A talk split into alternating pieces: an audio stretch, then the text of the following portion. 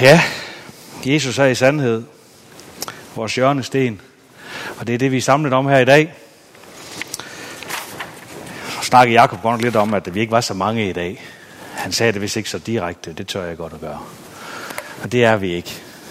Og jeg blev lidt i tvivl om nu, det har noget at gøre med, øh, med øh, temaet i dag, eller om det har noget at gøre med Kristi Himmelfartsferien. Øhm, jeg dømmer ikke nogen uanset hvad. Loven, det er det, vi skal tale om i dag. Vi er i gang med øh, den røde tråd. Og øh, den røde tråd, det er sådan en, øh, en seks, jeg ved ikke, om den virker, det gør den ikke. Det er seks øh, afsnit i den serie her, øh, hvor jeg øh, forsøger på at ligesom tegne en rød tråd igennem Bibelen, øh, helt fra starten af med skabelsen og frem til kirken i dag. Og øh, vi har jo haft både skabelsen, syndsfaldet og sidst alt vi om, om Guds folk. Og i dag er vi så kommet til loven. Og det lyder unægteligt lidt tørt jo, tænker jeg. Jeg kan godt afsløre, at jeg er ikke advokattypen, hvis der findes sådan en, tænker jeg. Men øh, det der er, øh, hvis vi sådan ser på det, der skete øh, sidste afsnit, der hørte vi, hvordan at øh, øh Gud han kaldte Abraham og så hørte vi om alt det, der skete hele vejen frem til, øh, til Jesus. Og loven her, den lander jo et eller andet sted øh, midt imellem der jo.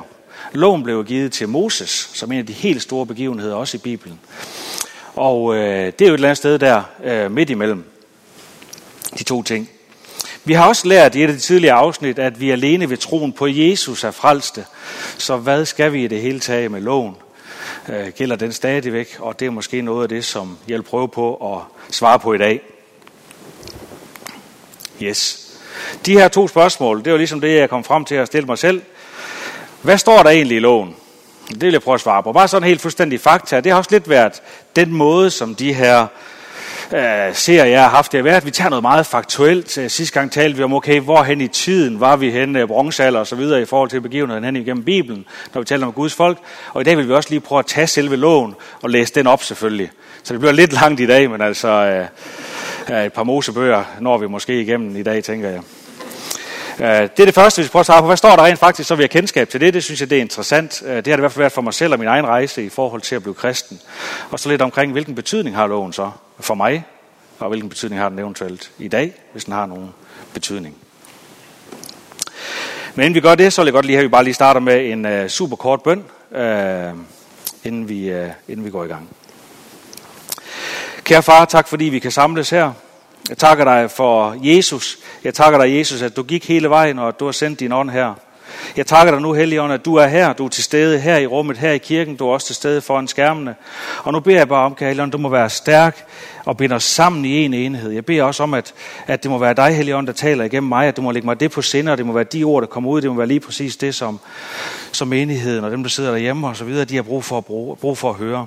Jeg beder bare om, at, beder bare om, at det må være dig, der taler, og ikke mig. I Jesu navn. Amen. Ja, øhm, hvad står der så i... Øh, skal jeg huske, at jeg skal trykke to steder. Øh, hvad står der så i loven? Jamen det er jo faktisk sådan så, at frem, frem til Moses, der er der ikke sådan nogen, der er ikke sådan en samlet lovsamling, eller hvad vi nu kan kalde det. Der er det sådan nogle enkelte begivenheder, hvor Gud han slår ned, og så kommer med nogle regler, eller nogle formaninger, eller, eller nogle opfordringer til dem, øh, til, til folk. Men øh, så Moses her, øh, det er sådan set første gang, vi sådan får en, en lovsamling. Også den eneste, for øvrigt, øh, gang vi får det. Øh, sådan en samling af det.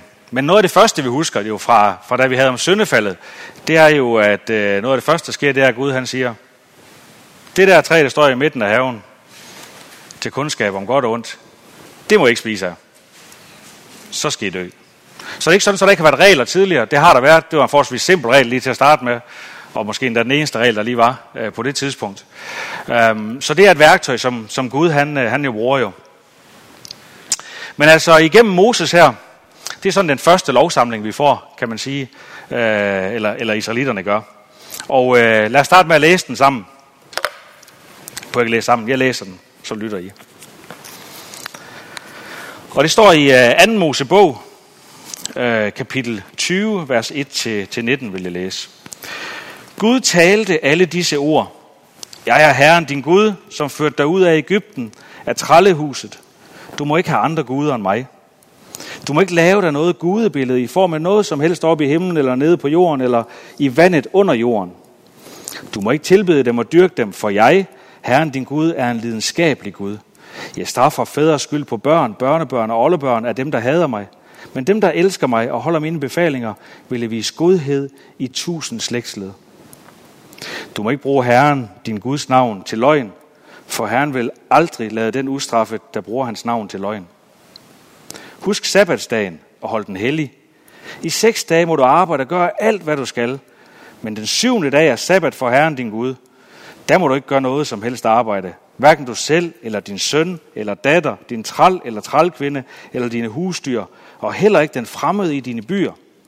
For på seks dage skabte Herren himlen og jorden, og havet med alt, hvad de rummer, men på den syvende dag hvilede han. Derfor har Herren velsignet sabbatsdagen og helliget den. Ær din far og mor, for at du må få et langt liv på den jord, Herren din Gud vil give dig. Du må ikke begå drab.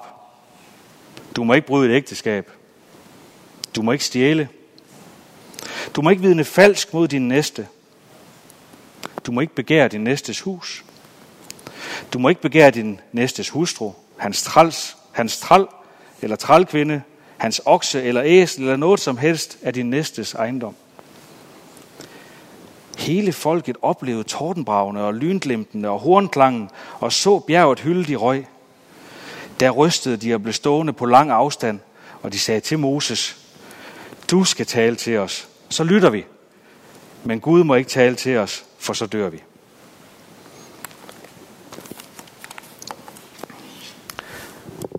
Det var de 10 bud, som de fleste af jer nok vil genkende, forestiller jeg mig. Øhm, og øh, det interessante det er faktisk, nu kan jeg huske, at jeg, jeg er jo ikke sådan vokset op i en, i en kirke og, og i kristen sammenhæng jo, men jeg har selvfølgelig hørt om de 10 bud, og er også konfirmeret, selvom jeg ikke helt forstod, hvad det var, der foregik dengang. Men, øh, men jeg har også hørt om de 10 bud. Men da jeg så blev interesseret i Jesus og begyndte at læse Bibelen og begyndte at læse om det, så tænkte jeg, nu skal jeg lige nu skal jeg have læst de der 10 bud, dem skal jeg kunne. Det skal være sådan, så de bare sidder på ryggraden. Så jeg slog op i Bibelen og fandt, der står jo der også her, de 10 bud og sådan nogle ting, så det var ikke svært at finde det heller. Men så blev jeg faktisk sådan lidt, hvad? Er det 10, eller er det, er det 12 måske, eller hvor mange er det egentlig? For det er faktisk ikke sådan helt entydigt. Hvis du bare læser teksten her, og du ikke har nogen som helst til at guide dig noget som helst, så, kan man, så er det ikke entydigt. Her står her lige 10 bud. For mig kunne det lige så godt være 12. Um, øhm, så det synes jeg egentlig, det er, det er lidt interessant. Det er sådan så Martin Luther, den tyske øh, reformator, der var det. det, var lige, det skulle lige hentes herover. Reformator, han har lavet et bud på, hvordan de 10 bud er. Det er typisk den, den måde, som vi tolker de 10 bud på. Og det giver god mening, og det skal vi lige vende tilbage til lige om lidt, når vi lige prøver at gennemgå de 10 bud. Øh, forholdsvis hurtigt, lover jeg. øh, fordi hver bud indeholder selvfølgelig nok en prædiken i sig selv, eller to, forestiller jeg mig. Men først skal vi lige, lige tale lidt om omfanget af loven her, fordi der er jo de 10 bud. Men lige når vi er færdige med at læse omkring de 10 bud, så sker der faktisk det, at så kommer der en masse detaljerede love om, hvordan man skal opføre sig, øh, når man skal øh, betale skat. Der er retsregler for samfundet. Der er regler for kirkehandlinger, som vi måske vil kalde dem i dag. Der er regler om offringer. Der er så også regler om håndtering af virusudbrud, hvis der var, så man skulle få brug for den slags. Så det er forholdsvis detaljeret, de ting, øh, og de regler, der er der i. Og der er også samtidig forskellige vinkler på, hvordan man håndterer forskellige ting. Og det er jo nok det, som der refererer til bredt jo som loven, og som særligt jøderne, de forholder sig til, det er alt det her, der står i Mosebøgerne omkring alle de regler her. Men de ti bud er noget specielt. De ti bud er noget særligt. Det kan vi sige, det ved vi kan, men det vælger jeg at sige, det er grundloven. Og de andre regler, de vil alle sammen spille op til de ti bud. Måske ikke direkte, men det vil alle sammen være nogen, der er til hjælp for at israelitterne de kunne opfylde de 10 bud. Men de 10 bud, de er specielle. Det er de også, fordi vi hører her, de 10 bud, de bliver sådan set modtaget i påhør, medhør af alle israelitterne, altså af hele folket. Og da de har fået dem, så siger de, nej, nej, det vil, nu vil vi ikke. Det er for meget for os. Det må være dig, Moses, der tager den her, og så taler med Gud. Og derefter, der får vi så alle detaljerne af det, kan man sige. Man ved jo også, at han smadrer stenetavlen, kommer tilbage for nogle nye og kommer ned igen og så videre. Men det er sådan set det, der gør de 10 bud specielt også, det er jo, at det er her, hvor at alle israelitterne, de har hørt og set Gud. Om de har hørt alle ordene direkte, eller hvad de har, men de har i hvert fald hørt de her ting. Og set Guds, øh, Guds magt. Så derfor er den lidt speciel. Det er den også for, for jøderne. Det er også de 10 bud, som bliver lagt i arken jo senere. Som er ligesom det her, okay, det, det er grundloven, den ligger vi hernede, den passer vi godt på. Så derfor er den lidt speciel, og derfor er det også den, som jeg vil tale om i dag. Bare roligt, vi skal igennem alt det andet, øh, der står der. Øhm, det er til egen øh, aftenlæsning, tænker jeg. Um, hvis nu vi lige tager uh, der til sidst, øhm, i, uh, lige læser de sidste to, Alene det er bare lige for at sige, at, at, at det blev på den måde der. Øhm, øh, det sidste øhm, vers nummer 21, det er lige efter, de har sagt, at det er dig, der skal tale, Moses, og vi skal nok lytte til dig. Så lige, øh, springer vi lige et vers over, så kommer det sidste, der står, mens folket blev stående på lang afstand, nærmede Moses sig mulmet, hvor Gud var. Så det blev sådan så, at det var Gud, eller undskyld, Moses, der tog snakken med Gud øh, direkte, og det kan vi måske også huske, øh, nogen af os. Godt. Så hopper vi lige over i de 10 bud. Og øh, de skrev ned her, det er som sagt på den måde, som øh, Martin Luther, han har måttet dem op på døren. Og øh, den første, det er, du må ikke have andre guder end mig. Men vi har jo lige læst, der var både den her med, du må ikke andre guder end mig, så kom der faktisk også, du må ikke lave nogen afgudsbilleder, hverken her og sådan nogle ting. Og det tænker det er det et nyt bud, tænker jeg. Øh, det er det i hvert fald et bud mere, på en eller anden måde. Men det er det ikke, når det er sådan, vi spørger Martin Luther, så er det ligesom hængt sammen, så det bliver til 10 øh, med det første bud, du må ikke have andre guder end mig. Og det giver god mening. Fordi i et øjeblik, vi som mennesker begynder at lave et gudebillede, hvis vi vil lave et billede af Gud, eller et eller andet, som vi, som vi siger er Gud, så, har vi, så vil vi have en tendens til at komme til at tilbede stenen, eller guldkallen, eller noget andet noget, i stedet for selve Gud. Og det er ikke det Gud, han ønsker. Gud ønsker ikke, at vi skal tilbede noget på den måde. Den slags Gud ønsker han ikke at være. Han ønsker at have fællesskab med os, som vi hørte i hans motivation for skabelsen i det første afsnit. Hans motivation for skabelsen er at have fællesskab med os. Så derfor giver det god mening, at det hænger sammen med, at du skal ikke have andre guder end mig, fordi så kan vi ikke have fællesskab med Gud, derfor skal vi ikke lave noget gudebillede. Yes. Du må ikke misbruge Herren, din Guds navn. På det her tidspunkt her, der var det sådan, så når man sværgede ved Gud, så var det jo nærmest juridisk gældende i, øh, på det tidspunkt her jo. Så det var meget alvorlige ting at sværge ved Gud. Så, så, så, så skulle man virkelig være sikker i sin sag. Øh, så derfor er det selvfølgelig naturligt, at Gud siger, at du må ikke, du må ikke sværge falsk ved mit navn. Du må ikke misbruge mit navn. Når du gør det, så skal du være helt sikker på, at det er rigtigt, det du siger. Jesus han siger jo senere, at øh, der har sagt, I ved, I har sagt, I må ikke misbruge Herrens navn, men han siger, I må slet ikke sværge. Hverken ved Gud, eller ved noget på jorden, eller ved dine forældre, eller ved dine børn, eller noget som helst andet. Du skal slet ikke sværge. Men når du siger ja, så skal det betyde ja. Når du siger nej, så skal det betyde nej. Jeg elsker den sætning. Jeg elsker den sætning. For det gør bare, at vi er tvunget til at være troværdige i de ting, vi laver. Så siger han, du skal holde hviledagen hellig, og der har vi jo lige hørt en hel prædikenserie, der handler om sabbaten, så det behøver jeg ikke sådan dykke helt vildt ned i, hvorfor det er vigtigt. Men jeg vil bare sige en ting til det, det er, at Gud ved, at det var vigtigt at tvinge os til at holde fri sammen med ham. For ellers så bliver vi opslugt af verden alt muligt. Om jeg vil hellere lige ud og køre raceløb den uge, eller den her, eller til fodbold, eller et eller andet. Han ved, at vi bliver opslugt af verden, eller hvad det, eller det kunne også være hårdt arbejde, vi har brug for at forsørge vores familie, eller nogle ting på den tid her. Så han ved, at vi bliver opslugt af det. Og så har vi pludselig ikke tid sammen med Gud mere, og det er igen hele hans motivation for at skabe os og skabe verden. Det var, at vi skulle have fællesskab med Gud, og, øh, og vi har også brug for Gud. Så derfor blev han nødt til at lave en regel om det. Han blev skrevet ind i loven. I skal holde fri så I kan være sammen med mig, for det er I godt er, og jeg vil virkelig gerne være sammen med jer. Og vi får det rigtig godt. Yes. Så kommer der, du skal ære din far og din mor. Det ved også, der er forældre. Det har vi brugt rigtig meget af. Jeg kan altid lige trække frem for resten. Øh, skal vi lige kigge i Bibelen, hva'? Uh, nu har ikke nogen børn til stede her. Det var lidt underligt. Nå. Ja. Nej, det er selvfølgelig ikke... Øh, jeg tænker ikke, det er den måde, det lige skal forstås på. Og dog, hvis vi kigger på samfundet i dag, så har vi jo øh, i høj grad overdraget noget af vores opdrag til vores børn, til institutioner og til skolen, og vi har i hvert fald nogle forventninger om det jo. Øhm, så øh, det kan måske være, sådan, være svært for børn at opretholde den her, og ære sine forældre måske. Øhm, og hvis vi kigger i den anden ende af skalaen, i forhold til at ære vores forældre, når de bliver ældre, så har vi faktisk også her, i hvert fald i Danmark, sat det i system så er det pludselig noget, som samfundet de skal tage sig af i forhold til pension, og de skal tage sig af, at de har et sted at bo på et plejehjem, eller at der kommer nogen og passer dem osv. Der. Og det tror jeg rent faktisk, at det, Det tror jeg måske godt Gud for at kritisere en lille bitte smule. Hvis jeg kommer og så på det i dag, og siger, hvad laver I? Hvorfor, hvad, er du ikke dine forældre? Hvorfor tager du ikke af dine forældre? Nu er de taget sig af dig. Hvorfor kan du ikke tage sig af dem? Det tror jeg faktisk, det er lidt forfejlet i forhold til, hvordan Gud han har tænkt det. Jeg tror også, vi godt glip af noget. Hvis det var, så vi var mere sammen med vores forældre, så tror jeg også, vi fik mere øh, på det tidspunkt der. Yes. Du må ikke slå ihjel. Det er kun Gud, der er herre over liv og død. Den er så set rimelig skarp. Det kan vi, tænker alle sammen blive enige om. Thumbs up, det gør vi ikke. Du må ikke bryde et ægteskab. Det er også bare sådan ren hårdt på. Og hvorfor nu det? Altså min tanke omkring det, og I skal lige vide jo, de, øh, de refleksioner, jeg kommer med over de 10 bud, det er jo mine refleksioner. Og alle har refleksioner over de 10 bud. Man kan læse alt muligt på internet, og alt muligt reflektere over de 10 bud. Men jeg tænker på, at Gud har jo, ægteskabet, det er helligt for Gud. Og hvorfor er det det? Det er det, fordi det er en del af hans skabelsesplan. Vi bliver et kød. Sammen bliver vi et kød. Det er både, når vi har sex sammen, men det er også, når det er, som vi får børn. For det er jo rent fysisk. Der er, det er ikke noget hokus pokus noget. Når får børn sammen, så er det blevet til et kød. Det er en blanding af mine gener, og det er en blanding af Mariannes gener. Forhåbentlig flest af Mariannes i vores tilfælde. det, må, det, det må vi se. Yes. Så derfor tror jeg, at ægteskabet er heldigt for Gud. Du må ikke vide en falsk, øh, du, du må ikke sige falsk vidnesbyrd mod din næste.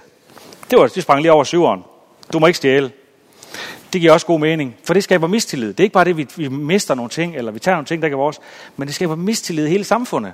Hvis der er, vi bliver nødt til at tænke på, at der er nogen, der kan finde på at stjæle noget, hvor skal jeg stille min taske hen, hvor skal jeg stille den? Det skaber mistillid, og, og det har vi heller ikke brug for. Og utryghed. Ja, og så kommer vi så til, at du må ikke lyve, du må ikke sige falsk vidnesbyrd mod din næste. Og det giver god mening, og vi tænker tit på at lyve som Ah, men øh, jeg fortæller lige en lille hvid løgn, fordi så ved Marianne ikke, at jeg var i pølsevognen, selvom hun godt kan se, at der er ketchup ned af her. Eller, Nej, det var, ja, det var spildt det hen i supermarkedet, eller hvad det var. Det er selvfølgelig også at lyve. Men hvis vi lige tænker over det, ord i sig selv, og i særdeleshed falske ord, de kan ændre hele verdenssynet for os. Fake news har vi engang snakket om, har jeg i hvert fald. Fake news, prøv at tænke på, hvordan at i en oplyst verden som USA, hvordan fake news det på helt magisk måde kan ændre halvdelen af en befolkningssyn på et eller andet. Og vi ser det også i dag med Putin jo desværre jo. Øh, og vi kan det heller ikke afvise, at vi ikke selv er for gode til det i Vesten. Så det er ikke sådan, at I står på her. Hvad for en historie fortæller vi om krigen i øh, Ukraine, eller hvad der sker i USA i forhold til det ene og det andet jo. Så vi skal bare huske, at ord, det kan ændre verdensbilledet. Og på et tidspunkt, så bliver det til sandheden. Så er verdensbilledet blevet sådan. Så selvfølgelig skal vi fortælle sandheden. De sidste to bud. Du må ikke begære din næstes hus. Det tager jeg lige lidt sammen med tieren. Du må ikke begære din næstes hustru, folk eller fæ eller noget, der tilhører din næste til, eller der hører din næste til. Og det var her, hvor jeg tænkte, dengang jeg læste det første gang, det er et bud, de hører sammen. Det er jo misundelse, det, det handler om jo. Men, men sådan deler vi det ikke lige op. Og det er fair nok. Det vigtigste er, at vi forstår, hvad det er budskabet der er i det her. Og misundelse, det skaber jo ofte ubegrundet had lige frem. Det lyder skønt, men det gør det. Misundelse kan skabe, fuldstændig skabe had jo. Vi har også et godt eksempel på det, som vi allerede har været igennem. Kain og Abel. Hvad drev Kain til at slå Abel ihjel? Misundelse.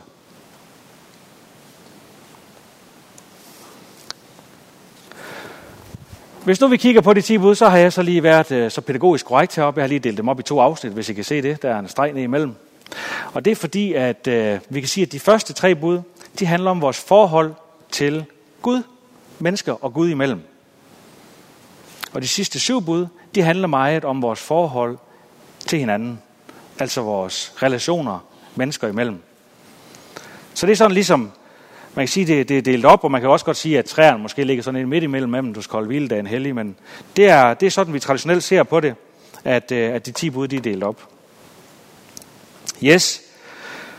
Så nu kender vi de 10 bud, tænker jeg. Nu kan vi alle sammen huske dem. Øh, der, der kommer lige rundt med et lille spørgeskema, når udsendelsen er slut. Og så når man har rigt, otte rigtige, så får man lov til hjem. Um, nej, føj til side. Hvilken betydning? Hvilken betydning har loven så for? Hvad betyder det egentlig? Hvad er årsagen til hele den lov her? Er det fordi Gud han er sådan en, bare, jeg vil bare bestemme det hele, og du må ikke det, og du må ikke det, og du må ikke det. Så kan det hurtigt komme til at lyde. Um, det er ikke så længe siden, vi var igennem Galaterbrevet, og der har jeg så stjålet lidt fra, fra den prædiken der, øh, hvor Paulus han sætter nogle ord på, øh, på loven. Hvad formålet det kunne være med loven. Galaterbrevet, øh, kapitel 3, vers 23 og 24. Før troen kom, blev vi bevogtet under loven og spærret inde, indtil troen skulle åbenbares, så at loven var vores opdrager. Indtil Kristus kom, for vi kunne blive øh, gjort retfærdige af tro.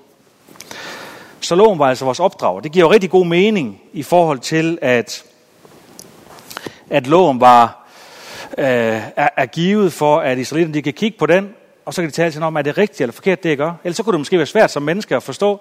Man kan jo sige, øh, jeg kan huske Mette, hun en gang, øh, da hun var helt lille, tog noget rød maling og tvær ud over hele gulvtæppet.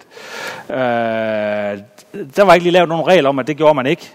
Øh, hjemme ved os burde vi nok have lavet. Jeg ved ikke, om hun kunne forstå det, da hun havde den alder. Men, øh, øh, men det er klart, øh, hvis, ikke vi har, hvis ikke vi forstår, hvad vi må og hvad vi ikke må, jamen, så gør vi alt muligt, som vi måske tror, der er rigtigt. Øh, så der får man simpelthen brug for en lov, for den kan tale til os og være os opdrager. Vi kan måske også snakke den så til den som vores, vores samvittighed. Øhm, loven som opdrager. Det giver rigtig god mening, tænker jeg, at vi, kan, at, at, at, at vi har fået loven for at være en opdrager for os. Hmm.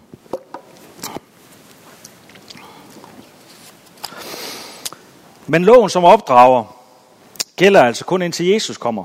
Det er, det, vi læser. det er sådan det, man kan læse her. Så gælder loven ikke mere, at øh, efter Jesus han er kommet så. Jesus han, øh, han siger faktisk selv noget om det. Og det siger han i uh, Matteus evangeliet, kapitel 22, vers 34-40. Det er her, hvor farisæerne de kommer og udfordrer ham med alle mulige forskellige ting. Og så kommer de også og spørger ham her. Øh, da farisæerne hørte, at Jesus havde lukket munden på sadokærerne, samledes de, og en af dem, en lovkyndig, spurgte ham for at sætte ham på prøve. Mester, hvad er det største bud i loven? Han sagde til dem, du skal elske Herren, din Gud, af hele dit hjerte og hele din sjæl og hele dit sind. Det er det største og det første bud. Men der er et andet, som står lige med det. Du skal elske din næste som dig selv. På de to bud hviler hele loven og profeterne. Altså han tager ikke kun loven nu. Han tager kun de ti bud, han tager hele loven og forøvrigt også alt det profeterne de har sagt. Det hviler på det her. Jamen har det så erstattet loven nu? Nu er det bare det, vi skal tænke på. Så er det det der, skal elske Gud. Er helt, det giver god mening, når vi ser på det delt op i forhold til de tre første og de syv sidste. Og det er i virkeligheden bare det, Jesus han gør her. Det er ikke en ny lov. Han, han summerer bare hele loven jo i den her tekst her.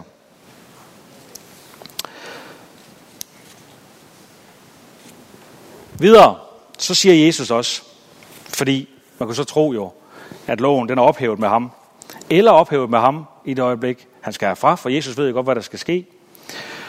Men i Matthæus kapitel 5, vers 18 siger han, Sandelig siger jeg, før himmel og jord forgår, skal ikke det mindste bogstav eller en eneste tødel forgå af loven, før alt er sket. Nå for sådan. Jo. For nu tror vi lige, det var dejligt let, at nu er Jesus her. Når man tror på Jesus, så er vi ikke underlagt loven mere. Men det er vi. For det er det, Jesus han fortæller os her. Loven er der stadigvæk. Jeg kan godt tænke mig lige at gå tilbage til det, Paulus han siger. Han siger nemlig, uh, skal lige se det her. Indtil troen skulle åbenbares, så at loven var vores opdrager, indtil Kristus kom. Ah, loven var vores opdrager. Så det er altså ikke loven, der er forsvundet, men loven som vores opdrager er måske det, der er forsvundet.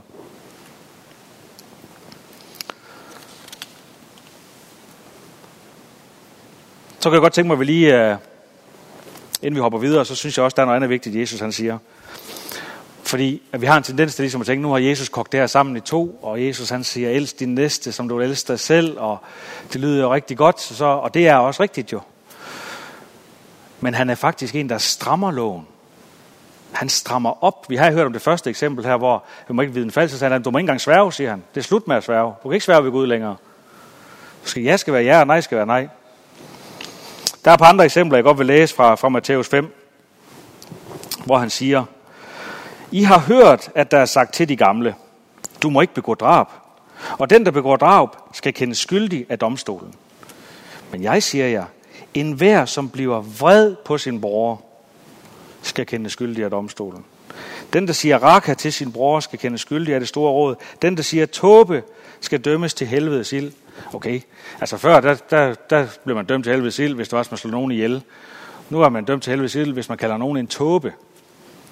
Det er da i sandhed en stramning af hele loven. Kan I mærke, hvordan det bliver tungere og tungere at sidde herinde? Jeg har et eksempel mere. I har hørt, at der er sagt, du må ikke bryde et ægteskab. Men jeg siger jer, en hver, som kaster bare et lysten blik på en andens hustru, har allerede begået ægteskabsbrud med hende i sit hjerte. Nu er min kone til stede, nu skal jeg passe på med, hvad jeg siger. Men øh, jeg forestiller mig, at det også kan være ganske svært at leve op til. En ting var, hvis det er synligt, man begår ægteskabsbrud. Det kan være synligt, og det er dejligt let at se. Hov, jeg kan se, du gør det der. Det står i loven her, det må du ikke. Det er en god opdrager, man kan se. Men Jesus, han vender det hele om til at kigge, eller ikke, han tilføjer, vi skal kigge ind i os selv. Vi skal kigge ind i vores hjerte. Og det er faktisk endnu hårdere, end det er kun at se på det ydre. Men hvad gør vi så, hvis det er sådan, at vi skal kigge ind af? Fordi det er jo ikke... Jeg kan jo ikke kigge ind i øh, sten, for eksempel. Det går spændende samtidig. Men mest fordi han er så klog, når vi spiller spil og sådan nogle ting, så kan det man lige kunne kigge ind i ham og lige få svaret. Um, men vi kan ikke kigge ind i hinanden på den måde. Og så pege på loven. Så den mister lidt sin effekt, loven, som opdrager. Ikke? Også det er lidt op til os selv at tænke det. Men øh, nu kommer de gode nyheder så. Fordi der er nemlig heldigvis hjælp at hente til det her. Og øh, Helligånden, det er vores redningsmand. Men det er jo faktisk meget godt lige at en uge her før pinse, og lige øh, komme i, kom, kom i, kom i god kontakt med Helligånden. For det er ham, der redder os. I Johannes øh, 16, vers 8, der står der, jeg skal lige det Men jeg siger jer sandheden. Det er det bedste for jer, at jeg går bort. Det er Jesus, der taler. For går jeg ikke bort, vil talsmanden ikke komme til jer. Men når jeg går bort herfra, så vil jeg sende ham til jer. Og når han kommer, skal han overbevise verden om synd, om retfærdighed og om dom. Og nu kommer altså, det er en ny opdrag, vi snakker om her. Og hvis vi læser hele Galaterbrevet, så ved vi også godt, så kan jeg også afsløre, så er det det, Paulus han snakker om. Vores nye opdrag, det er Helligånden. Når vi får Helligånden. Og hvornår får vi Helligånden? Det får vi, når vi bliver døbt med Jesu ånd. Så får vi Helligånden. Jeg kan godt lige prøve at læse, læse det på hverdagsdansk også. Det kan være lidt mere spiseligt for nogen.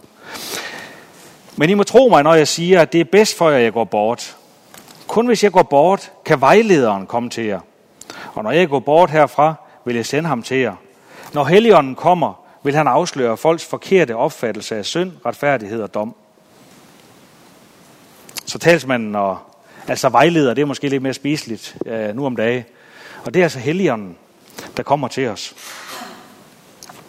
Så Helligånden, det er vores nye vejleder. Loven gælder stadigvæk. Det er klart, det har Jesus sagt. Hvis vi lige summerer op, den har vi der. Hvis vi lige summerer op, så vi kender nu de 10 bud. Nu har jeg valgt at kalde den grundloven. Nu er præsten her ikke, så kan jeg ikke få skæld ud for, at jeg har gjort sådan noget, men jeg tror godt, man kan tillade sig at sige det. Loven var en opdrager til at hjælpe os til at leve fuldt ud. Det giver også god mening. Loven er stadig gældende i dag. Jesus han skærpede så rent faktisk loven. Selvom man samtidig tænker, ah, det er alt det her med kærlighed og Jesus. Men han skærper faktisk loven over for os, så den også gælder vores indre, vores hjerte og vores tanker. Og vi ved også, at vi har fået Helligånden som den her nye vejleder i vores liv. Men hvordan får vi så Helligånden ind? Ja, vi gør det ved dåb.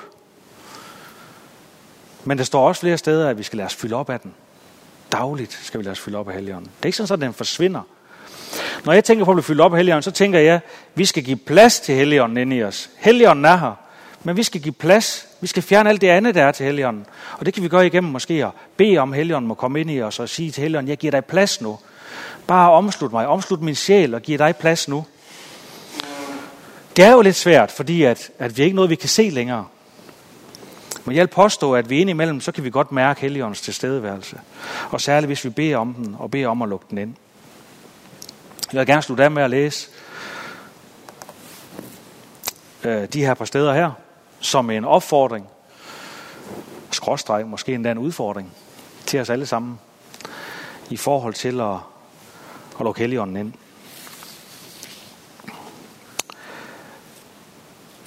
I Lukas evangeliet, kapitel 11, vers 13, skriver Lukas, at Jesus han siger, Når da I, som er onde, kan give jeres børn gode gaver, hvor meget snarere vil så ikke faderen i himlen give jer helligånden, eller give helligånden til dem, der beder ham. Så det er et værktøj, vi har. Vi kan bede til helligånden, bede om at blive fyldt af helligånden. Apostles Gerninger, kapitel 8, vers 17, de er ude omkring, jeg tror de er i Samaria, de er her, hvor der sker en masse forskellige øh, spændende ting. Og så på et tidspunkt så står der bare, de lagde så hænderne på dem, og de fik og helligånden. De lagde så hænderne på dem, og de fik helligånden. Og der er også nogen, der bliver misundelige her, som siger, hvad, skal jeg, hvad kan jeg betale for at få den evne der til at lægge hånden på? Folk, nu kommer jeg ned til sten, nu bliver det lidt grænseoverskridende her. Nu lægger jeg hånden på, på sten. Og så siger jeg, må Helligånden fylde dig, Sten. Må Helligånden fylde dig og være med dig hver dag og omslutte dig. Amen. Det var lidt grænseoverskridende. Selv for mig. Også for Sten, tror jeg. Nu kender jeg Sten godt jo. Og det var ikke noget, vi har aftalt. Men jeg tror, vi gør det her for lidt. Det bliver jeg nødt til at sige.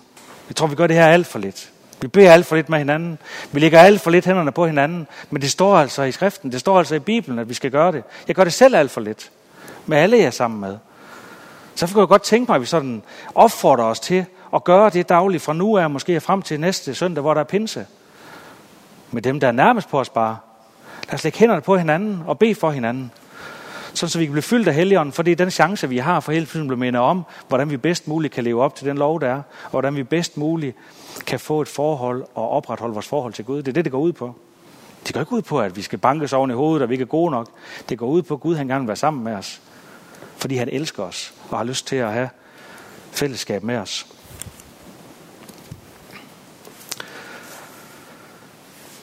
Så som det sidste her, så kunne jeg godt tænke mig, at vi måske lige lægger hånden på skulderen af sidemanden, og så beder jeg en kort bøn. Jeg lover, den bliver kort. Hvis ikke man har lyst, så er det okay så ryster man bare lige på hovedet, når der en, rækker ud. Hvis ikke man har lyst til det. Men bare læg hånden på skulderen, og så beder vi lige, beder lige en ganske kort bøn, inden vi stopper i dag.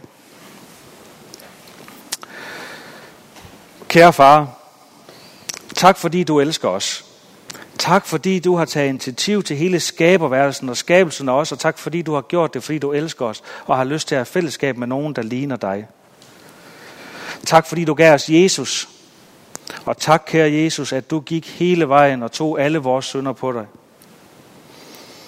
Og tak fordi, at du har sendt Helligånden. Og tak fordi du er her nu, Helligånden. Tak fordi du er her nu, Helligånd. Både her i kirkerummet og også hjemme foran skærmene. Tak fordi du er her nu. Og tak fordi du fylder hver en af os med din Helligånd. Du omslutter os. Du fylder os op. Vi kan mærke, at du fylder os op. Og alt, hvad der må være, at vi ikke har brug for ind i os, det bliver skyllet ud nu. Tak fordi, at din Helligånd, den er over os. Og tak fordi, den bare renser os og skyller os ud og omslutter vores sjæl helt og fuldt ud. Og tak fordi du også vil minde os alle sammen om i den uge, der kommer, og fremadrettet i al evighed om, at vi hver dag må bede om din fylde. Tak, Helligånd, at vi har fået den gave. Vi rækker ud, og vi tager imod den gave. Amen.